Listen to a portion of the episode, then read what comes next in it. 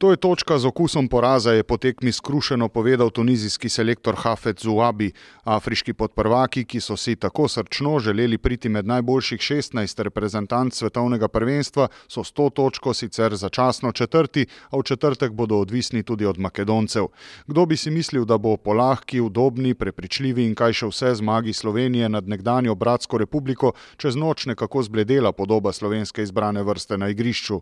Selektor je, zavedajoč se tudi relativno kratkega časa za pripravo in regeneracijo do Tunizicev začel z do dobra premešano postavo. A fantje, ki bremena niso nosili doslej, so polčas proti Tunizicem celo dobili, v nadaljevanju tekme pa so padli prav najbolj izkušeni. Koliko truda in energije tudi živcev je šlo v tej navides lahki tekmi, da so s točko začutili, kakšnega okusa bi bila zmaga.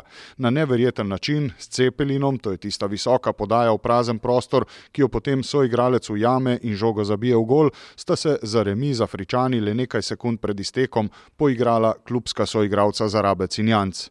Selektor je govoril o roleti in o tem, da ga skrbi prav ta padec najboljših, ter da mu je žal, ker je Slovenija v islandskih in makedonskih očeh izgubljala športni ugled in tamkajšnje navijače spravljala ob živce. Ali je s tem, ko je poskušal prebuditi nekatere igralce, uspaval tudi druge, bo pokazala tekma Španijo. Ni čas za hude kritike, s tem se strinjamo, je pa še vedno čas za opozorila, kajti v nadaljevanju turnirja bo le ena tekma odločala o odmevnosti dosežka. Eksperimente, manjše in večje, si v skupinskem delu kot luksus običajno privoščijo največji, ali Slovenija že sodi mednje? Še ne.